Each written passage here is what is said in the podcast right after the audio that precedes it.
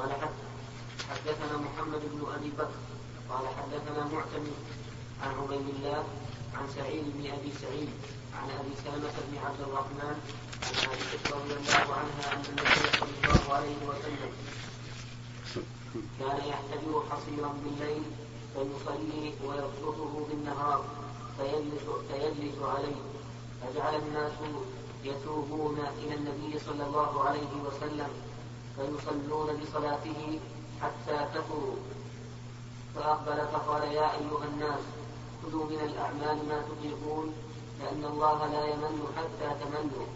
وإن أحب الأعمال إلى الله ما دام ما دام وإن قل.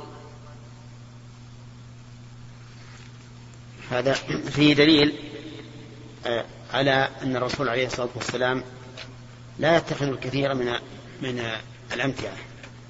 عنده حصير يحتجر بالليل يعني يجعله مثل الحجرة ويصلي وراءه. وفي النهار كان يجلس عليه.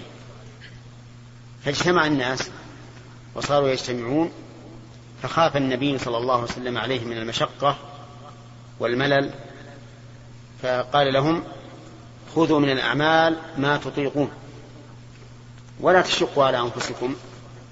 والنبي عليه الصلاة والسلام كان يقوم الليل حتى تتورم قدماه وتتبطر ومن صلى معه تعب فلم يحب أن يفعل الأمة ما يشق عليهم ولو في المستقبل. والإنسان قد يكون عنده عزيمة وقوة ونشاط في العمل الصالح فإذا فعله فإنه في آخر الأمر يعجز عنه. ولهذا حث النبي عليه الصلاة والسلام على أن الإنسان يخطط للمستقبل. فيتخذ عملا يتمكن من إيش؟ من الدوام عليه. ولهذا قال أحب الأعمال إلى الله ما دام وإن قل. وكثير من الناس يكون عنده نشاط ثم نشاط في الهمة ونشاط في الجسم ثم يضعف نشاط الهمة ويضعف نشاط الجسم. ويتمنى أن لم يكن ألزم نفسه بشيء. ومن هذا عبد الله بن عمرو بن العاص رضي الله عنه. فإنه التزم أن يصوم يوما ويفطر يوما. ولكنه لما كبر قال ليتني قبلت رخصة النبي صلى الله عليه وسلم. وصار يصوم خمسة عشر يوما متتابعة. ويفطر خمسة عشر يوما متتابعة. وفي قوله فإن الله لا يمل حتى تملوا. فيها إشكال. من جهة أن ظاهرها إثبات الملل لله عز وجل. والملل هو عبارة عن عجز الإنسان عن مقاومة العمل. عجز الإنسان عن المقاومة ما يستطيع أن يقاوم العمل وإن كان في في بدنه قوة. لكنه يمل. فهل نقول إن ملل الله ملل الله إن دل الحديث عليه يكون على هذا المعنى؟ لا. لأن هذا نقص. والله منزه عن النقص. بل الملل إن صح أن أن في الحديث دلالة على ثبوت الملل لله ملل يليق بالله عز وجل. وأن الإنسان إذا مل من الطاعة مل الله تعالى من مثوبته وإقباله عليه وإن كان لا يلحقه سبحانه وتعالى من الملل ما يلحق المخلوق. ومن العلماء من يقول إن هذا لا يدل على أن الله يمل. لأن الله قال لا يمل حتى تملوا. فإذا مللتم فلا يلزم أن يمل الله. كما لو قلت لشخص أنا لا أقوم حتى تقوم. فالممتنع الآن الممتنع قيامي قبل قيامك لكن لا يلزم من قيامك ثبوت قيامي. فيمتنع أن الله يمل قبل أن يملوا ولكن لا يلزم أنهم إذا ملوا مل الله. وهذا لا شك أنه محتمل لكنه بعيد من ظاهر اللفظ. بعيد من ظاهر اللفظ. وأسلم ما يقال في ذلك أن يقال إنه إن دل على أن الله يمل فهو ملل يليق بجلاله وعظمته ولا يشبه ملل المخلوق المبني على الضعف وعدم القدرة على المقاومة. نعم.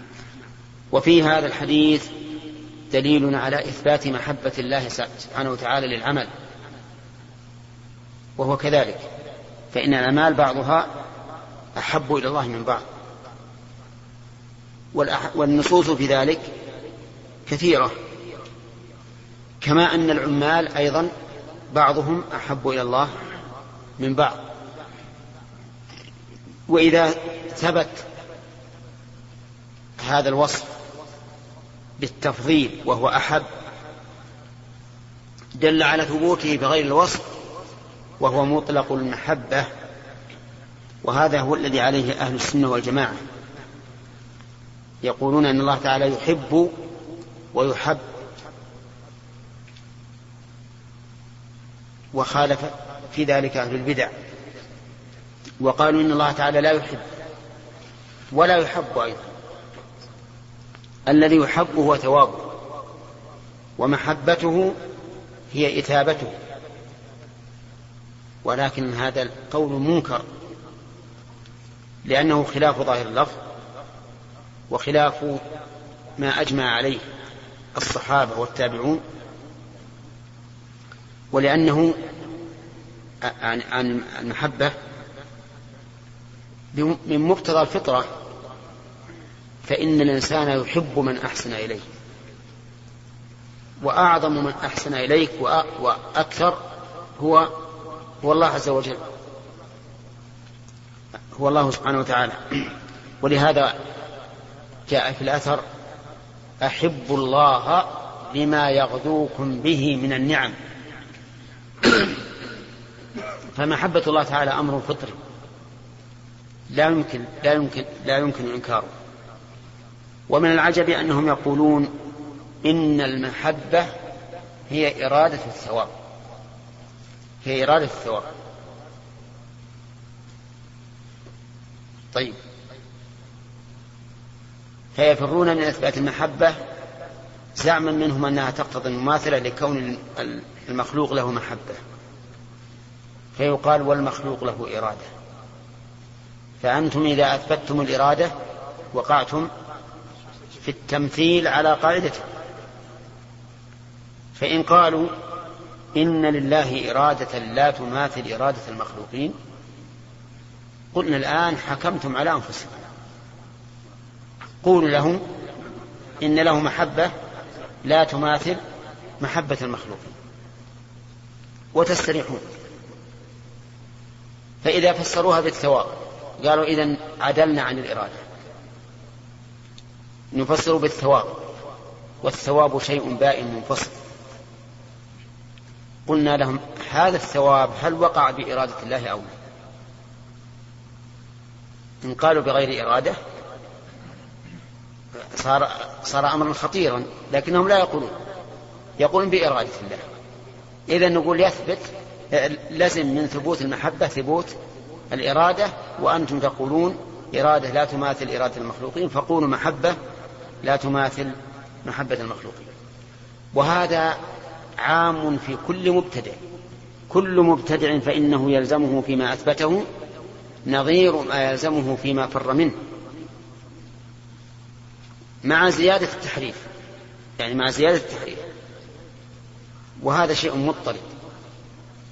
شيء يجعلوه مضطردا في كل الصفات التي ينكرها للبدع أنهم يلزمهم فيما أثبتوه نظير ما يلزمهم فيما نفوه وفروا منه مع زيادة التحريف والقول على الله بلا علم.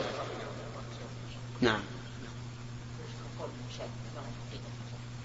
نعم. لا القول المشابه حقيقته النفي. يعني معناه إن أنه إنما جيء بهذا اللفظ ليشاكل اللفظ الثاني فقط. مقابل لفظا لا معنى. أما في المعنى فلا. قالوا إنما نحن مستهزئون الله قالوا له مو بيستهزئ لكن قيلت في مقابلة اللفظ الثاني. يخادعون الله وهو خادعهم الله مو بيخدع لكن قيل في مقابلة اللفظ.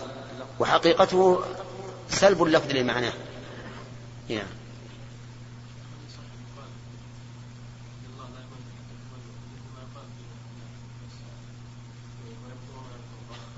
لا. لأن يمكر الله إثبات أثبت الله المكر لنفسه. وهنا ما في ما هو صريح لأن بعض العلماء قال ما في ما هو صريح في إثبات الملل. إن إنه إنه صريح في منع الملل قبل أن نمل لكن إذا مللنا هل يثبت الملل أم لا؟ مع أن الصحيح أنه أن ملل الله عز وجل وملل يليق بجلاله. فإذا مل الإنسان من العبادة فإنه فإن الله تعالى لا يثيبه على ذلك ويمل لكن مللا ها؟ مللا يليق بجلاله عز وجل. أخذنا ثلاثة اثنين طيب. نعم. هذا تحريف. تحريف. نعم.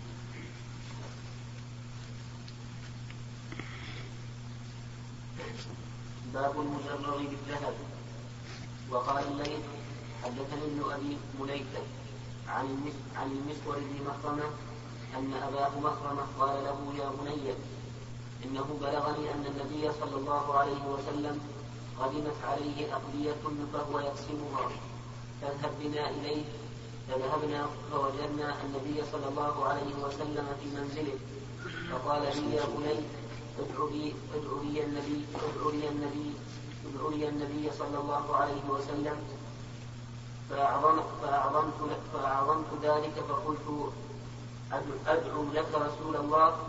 فقال فقال يا بني إنه ليس بجبار إنه ليس بجبار. فدعوته فخرج وعليه وعليه قباء من ديباج مجرر بالذهب. فقال يا مخرمة هذا هذا خبأته لك فأعطاه إياه خبأناه.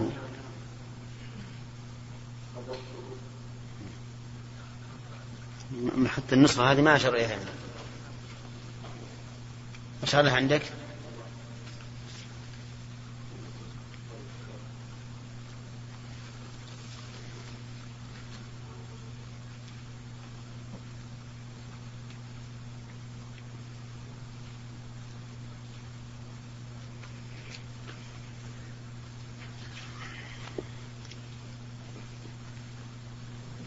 شغول مزرد بالذهب شغول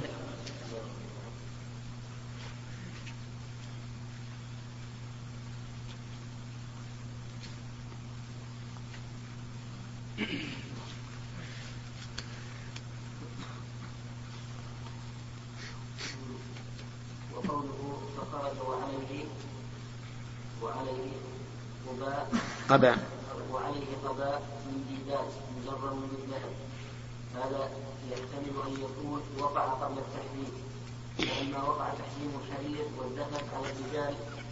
لم يستطع هذا لم يستطع هذا حجة أن يملك شيئا منه من ذلك ويحتمل أن يكون أن يكون بعد التحريم فيكون أعطاه لينتفع به بأن يكسوه النساء أو ليبيعه كما وقع لغيره. ويكون معنى فخرج وعليه قباء أي على يده. فيكون من إطلاق الكل على البعض. وقد تقدم أنه أراد تقليد قلب قلب مكرمه وأنه كان في في وأنه كان في خلقه شيء. وفي قوله لولده في هذه الرواية لما قال له ادعو لك ادعو لك النبي صلى الله عليه وسلم معه الإنكار لقوله ادعو ادعو لي. فأجابه بقوله يا بني إنه ليس بجبار. ما يدل على صحة إيمان مخرمه وإن كان قد وصف بأنه وصف. وإن كان وإن كان قد وصف بأنه سيء سيء الخلق وفيه تواضع النبي صلى الله عليه وسلم وحسن وحسن تلطفه بأصحابه. صلى الله وسلم عليه. قوله فقلت أدعو لك رسول الله. لا يخفى علينا أن جميعا أن فيه حذف الهمزة. وأصله أدعو لك. ونظيره من كتاب الله أم اتخذوا آلهة من الأرض؟ هم ينشرون. تقدير أهم ينشرون. ولهذا يحسن الوقوف عليها. أي على قولها من اتخذوا آلهة من الأرض؟ لأنك لو وصلت لفهم السامع أن الجملة صفة لما سبق رحمه الله. ولكنها جملة مستأنفة للإنكار. هذا الذي ذهب إليه المؤلف رحمه الله ذهب أو خرج هذا الحديث على أحد أمرين. الأمر الأول أن هذا قبل التحريم ولا شك أن هذا الاحتمال ضعيف. ويضعفه أن هذا القول أو هذا الاحتمال يستلزم أن يكون الحديث قد نسخ. ومن شرط النسخ العلم بتأخر الناس. الاحتمال الثاني أن يكون الرسول عليه الصلاة والسلام أراد بإعطائه إياه أن لا يلبسه بل يعطيها من يصح لباسه لها كالنساء أو يبيعها وينتفع بثمنها على من يجوز له لبسها. وهذا الاحتمال يمنعه أنها أن الرسول عليه الصلاة والسلام خرج وعليه هذا القباء. فلما كان هذا الاحتمال فلما كان هذا يمنع هذا الاحتمال أجاب عنه ابن حجر بأنه يحتمل أن يكون معنى قوله وعليه قباء أي على يده قباء. فأطلق, فأطلق الكل وأريد البعض. ولكن لا شك أن هذا خلاف ظاهر اللفظ. وحينئذ يكون مردودا. يكون مردودا. بقي احتمال ثالث ما ذكره المؤلف وهو الأقرب.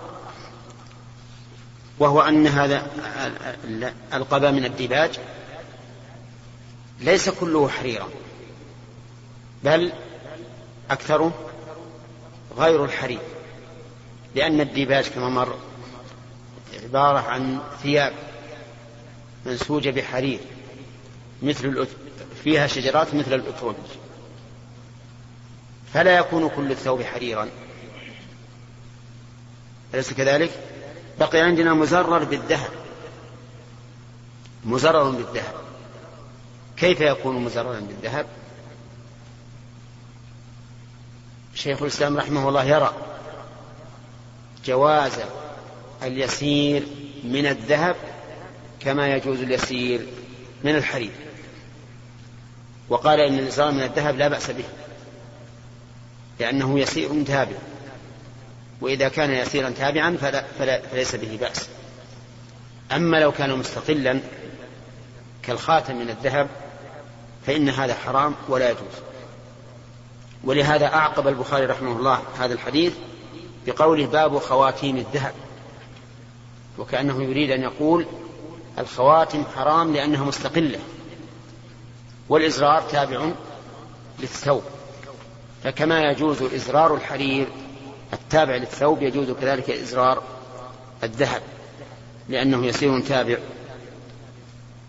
ومع هذا فإن القول بجوازه لا يعني أن أن فعله وتركه على حد سواء فإن الأفضل أن لا يفعل أن لا يفعل لأن أقل ما فيه أو أو لأنه يخشى أن يلتحق بالتشبه بالنساء وإن كان في الأصل جائزا لأن غالب من يتخذ خواتيم الذهب أزارير الذهب هن النساء.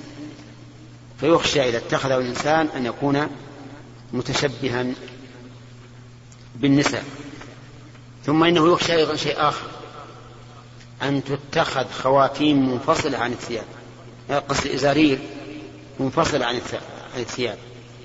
بحيث يجعل في سلسلة وفيها إزرار يزر بها الثوب. كما يتخذ هذا من الصفر وشبهه. تكون أزارير من الصفر يربط بعضها ببعض إما بسلسلة من حديد لطيفة وإما بخيط.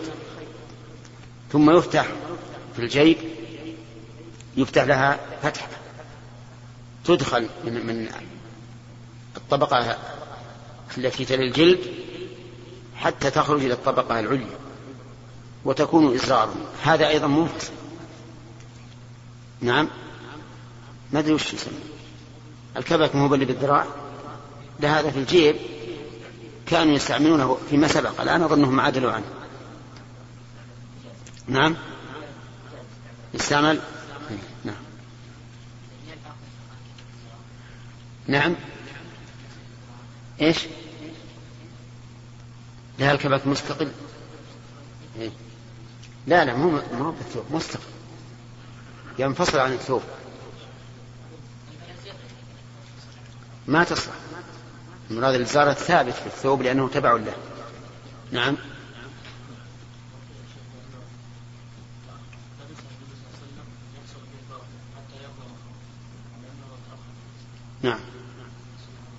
صحيح. تطيبا لقلبه لأن كل إنسان وده أن يلبس ما لبسه الرسول عليه الصلاة والسلام. نعم. نعم. لما يحمل؟ ما يجب حمله لأن الرسول لابس. إي نعم. وعليه قباء من ديباج مزرم بالذهب. ها؟ إي نعم. نعم. لكن أجاب عنه ابن حجر كما سمعت. قال عليه قباء يعني على يده. يعني ماسك وجابه معه. هذا بعيد. نعم.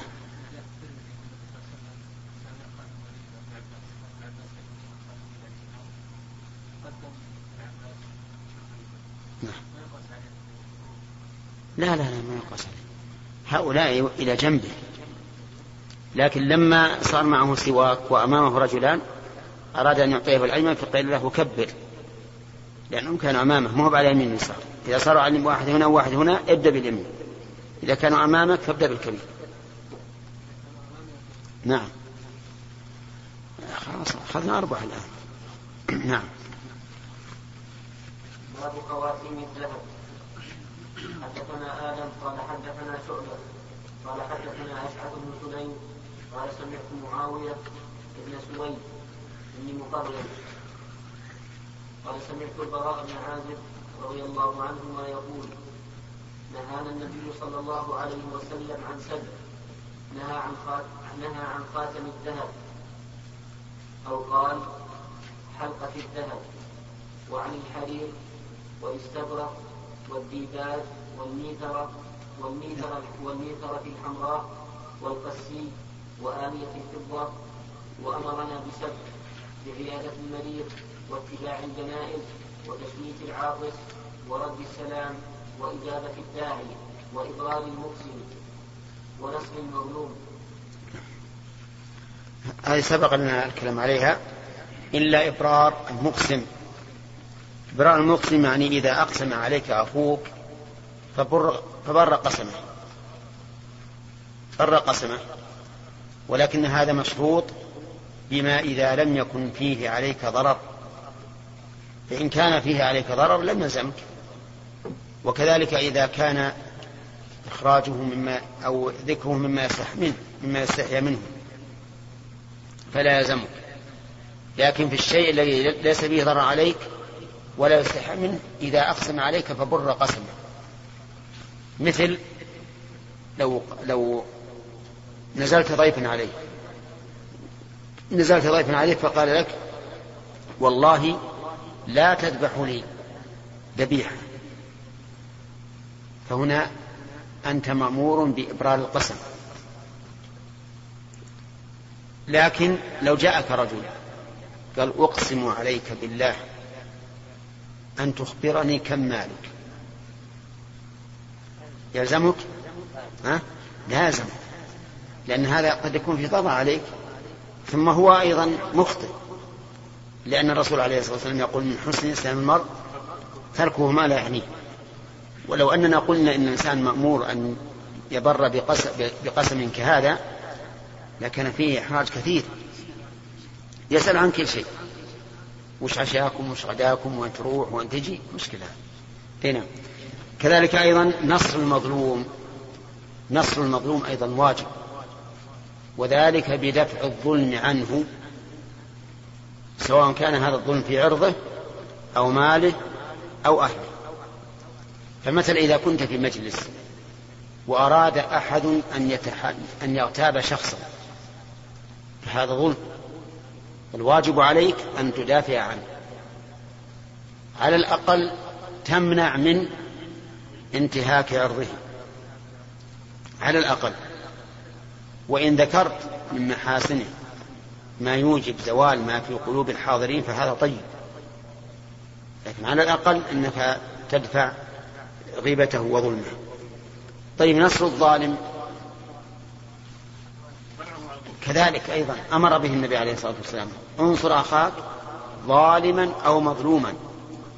وبين أن نصر الظالم أن يمنعه الإنسان من ظلمه. فإذا منعت شخصا يريد أن يغتاب آخر وقلت هذا لا يمكن ولا يجوز ولا يمكن أن تغتابه فهذا لا شك أنه نصر له لأنك منعته من من الظلم. نعم. جمال؟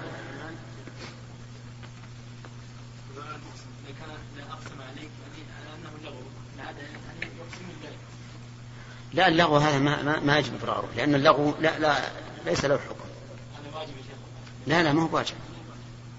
لا ما جرت بعد هذا ما طيب هاب نعم. الجواب الأخير ولا ذكره المؤلف؟ الأخير أن أن أن الذهب اليسير منه التابع لغيره لا بأس به. والإصرار يصير تابع. نعم. إيش؟ نعم.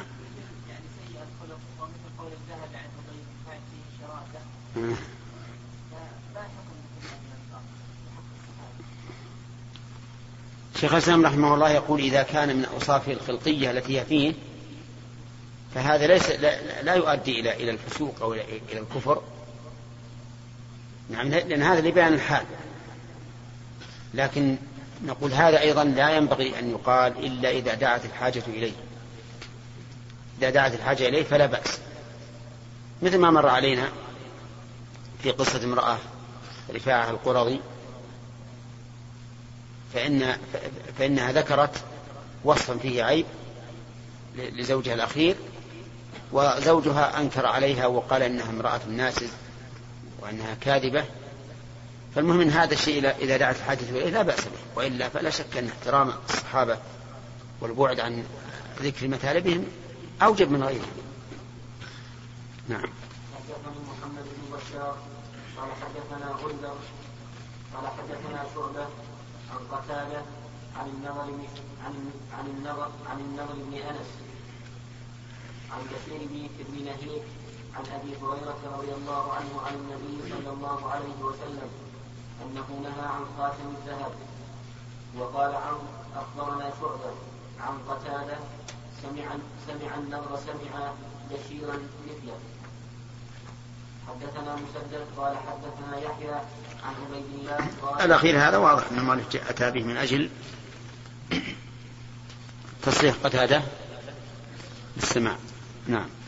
حدثنا محمد قال حدثنا يحيى عن عبيد الله قال حدثني نافع عن عبد الله رضي الله عنه أن رسول الله صلى الله عليه وسلم اتخذ خاتم اتخذ خاتم خاتما من ذهب وجعل وجعل قصه وجعل قصه مما يلي كفه فاتخذه فاتخذه الناس فرمى به واتخذ خاتما من ورق أو فضه ذكر اللي بعده؟ باب خاتم باب خاتم الفضة حدثنا يوسف بن موسى قال حدثنا أبو أسامة قال حدثنا عبيد الله عن نافع عن ابن عمر عن ابن عمر رضي الله عنهما أن رسول الله صلى الله عليه وسلم اتخذ خاتما من ذهب أو فضة وجعل قصه مما يلي كفه مما يلي كفه ونقش فيه محمد رسول الله فاتخذ الناس مثله فلما رآهم قد اتخذوها رمى به. وقال لا ألبسه أبدا. ثم اتخذ خاتما من فضة فاتخذ الناس خواتيم الفضة. قال ابن عمر فلبس الخاتم فلبس الخاتم بعد النبي صلى الله عليه وسلم أبو بكر ثم عمر ثم عثمان حتى وقع حتى وقع من عثمان في بئر أليس. قوله فلبس الخاتم ال هذه للعهد؟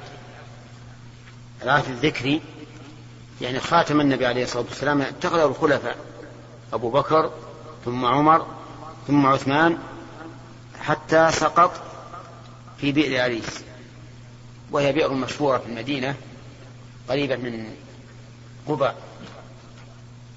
والعجيب أني رأيت منذ سنوات بعيدة قبل أن تدفن هذه هذه البئر رأيت أناسا يبيعون عندها خواتم عند البئر. ويقول الحجاج اشترى الخواتم؟ وجدها في القريب نعم. فصار الحجاج يشترون بكثرة يشترون من هذه الخواتم ويرمون بها في البئر أي نعم يلعبون عليه. مساكين يقول هذا البئر اللي سقط فيها خاتم النبي عليه الصلاة والسلام. وكأنهم يريدون من هذه الخواتم أن تكون مؤنسة لخاتم الرسول عليه الصلاة والسلام أو خادمة له. ولا وش معنى إنك تأخذ ترمي بها؟ الرسول ما رمى بها خاتمة لو رمى بها خاتمة لكن له شيء من الوجهه أما إذا كان سقط من من ثالث الخلفاء بغير قصد. وعثمان رضي الله عنه أيضا كلف من يخرج من يستخرج هذا هذا الخاتم ولا ولكنهم عجزوا عنه لحكمة أرادها الله عز وجل. نعم. الباب اللي بعده؟ كل واحد. خلوا الأسئلة بعد نعم. حدثنا عبد الله بن مسلمة عن مالك عن, عبد الله بن دينار عن عبد الله بن عمر رضي الله عنهما قال كان رسول الله صلى الله عليه وسلم يلبس خاتما من من ذهب فنبذه فقال لا ألبسه أبدا فنبذ الناس خواتيمه. حدثني يحيى بن بكير قال حدثنا الليل عن يونس عن ابن شهاب قال حدثني أنس بن مالك رضي الله عنه أنه رأى في يد في يد رسول الله صلى الله عليه وسلم خاتما من ورق يوما واحدا. ثم إن الناس اصطنعوا الخواتيم من ورق ولبسوها فطرح رسول الله صلى الله عليه وسلم خاتمه طرح الناس خواتيمه تابعه إبراهيم بن سعد وزياد وشعيب عن الزهري. وقال ابن مسافر عن الزهري ترى خاتما من ورق ورا ولا آه؟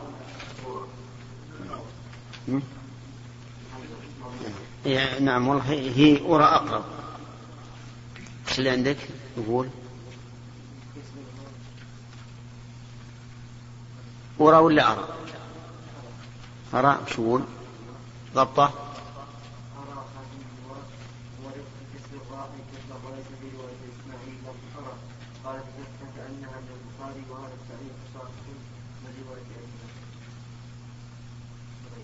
بس نعم ها تقول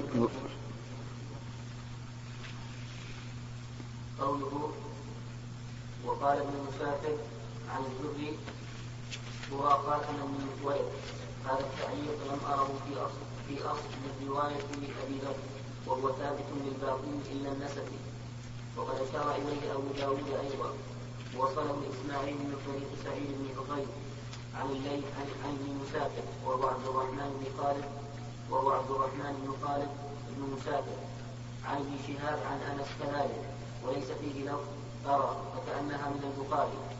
قال الاسماعيلي رواه أيضا عن ابن شهاب كذلك موسى بن عقبة وابن, أبي عتيق. لم ثم ساقه من طريق سليمان بن بلال عنهما قال مثل قال قال مثل مثل حديث إبراهيم بن سعد وفي حديث الباب مبادرة الصحابة. هو الظاهر الله أعلم إن, إن ذكر الورق إنها شاذة. لأن الذي حصل فيه أن الرسول طرحة وطرح, وطرح الناس خواتيمهم هي ها؟ الذهب. أما الورق ولهذا أتى البخاري رحمه الله بقوله بهذا التعليق.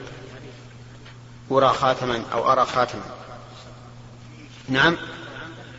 في الكلام؟ شو يقول؟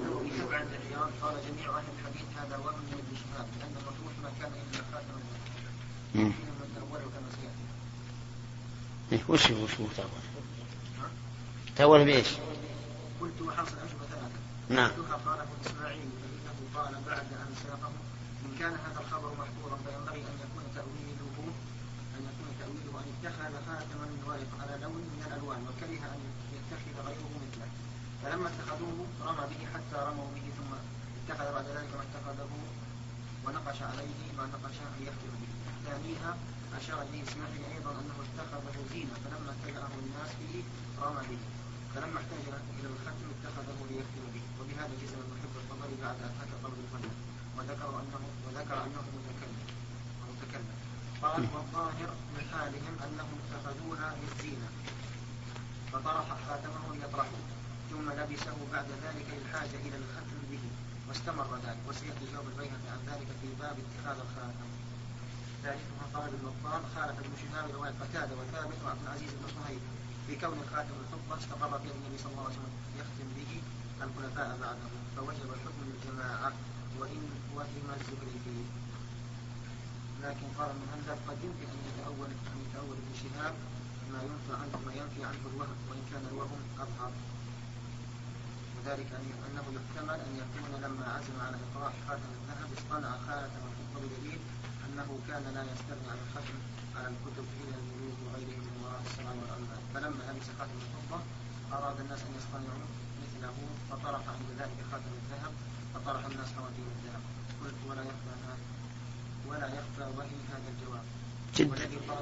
هذا من أوهم يكون نعم. والأولى؟ والذي قاله الإسماعيلي أقرب مع أنه يخدش فيه أنه يستلزم اتخاذ خاتم البرق مرتين. وقد نقل عياض نحو من قول البطال قائلا. قال بعضهم يمكن الجمع بأنه لما عزم على تحريم خاتم الذهب اتخذ خاتم الفضة فلما لبسه أراه الناس في ذلك اليوم رآه. رآه الناس في ذلك اليوم ليعلموا إباحته ثم طرح خاتم الذهب وأعلموا تحريمه فطرح الناس خواتيم الذهب فيكون قوله فطرح خاتم وهو طرح خواتيمهم أي تحريم الذهب. حاصله أنه جعل الموصوف بقوله فطرح خاتمه فطرح خواتيمهم خاتم الذهب وإن لم يجد له قال عياض وهذا يسوق أن لو جاءت الرواية أشار إلى أن رواية ابن شهاب لا تحتمل هذا التأويل. فأما النووي فاعتبر هذا التأويل وقال هذا هو التأويل الصحيح وليس الحديث ما يظهر قال وأما قول فصنع الناس خواتيم ولم يلبسونها ثم قال فطرح خاتمه فطرحوا خواتيمه. ويحتمل أنه لما علم صلى الله عليه وسلم صلى الله عليه وسلم يريد أن يصنع لنفسه خاتم فضة اصطنع لأنفسه خواتيم الفضة وبقيت معه خواتيم الذهب كما بقي معه خاتمه إلى أن استبدل خاتم الفضة وطرح خاتم الذهب فاستبدلوا وطرحوا وأن كتب الفرماني في أنه ليس في الحديث أن الخاتم المخلوق كان من الغاية بل هو مطلق فيحمل على خاتم الذهب أو على ما نقش عليه نقش خاتمه قال ومهما أمكن الجمع يجوز توهيم الراوي لا يجوز؟ يجوز لا لا يجوز. يعني الصواب لا يجوز. الصواب لا يجوز لا شك. هذه ما بت... ما بتتحرك أقول هذا ما بيتحرك ها؟ مهما أمكن الجمع لا يجوز هو الراوي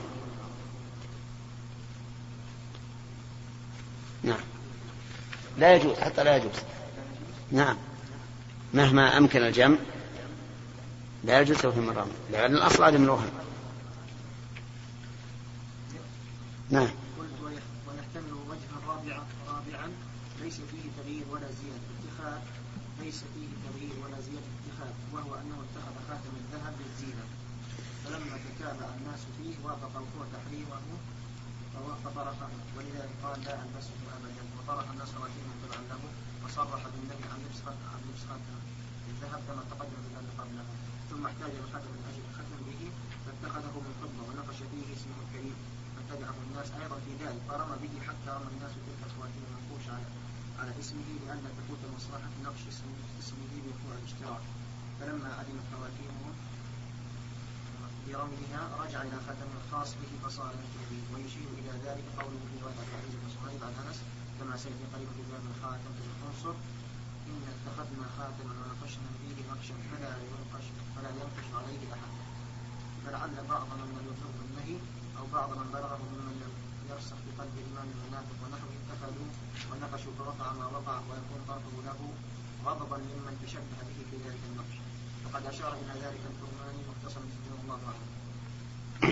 قول السعودي في رواية أنه رآه في يده يوما لا ينافي ذلك ولا يعرض قوله في الباب الذي بعده فيما تحكمين سئل أنس هل اتخذ النبي صلى الله عليه وسلم قال أخر ليلة صلاة العشاء إلى أن قال فكأني أنظر إلى وبيص خاتمه فإنه يحمل على أنه رآه كذلك.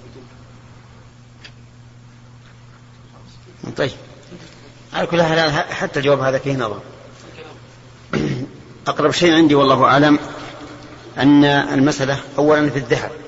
يعني إذا قلنا بعدم الوهم بعدم وهم الراوي بإمكان الجمع فنقول اتخذ الذهب فاتخذ الناس خواتيم من الذهب ثم رمى به وطرح. وهذا الاتخاذ للزينة ولا للختم ها؟ للزينة.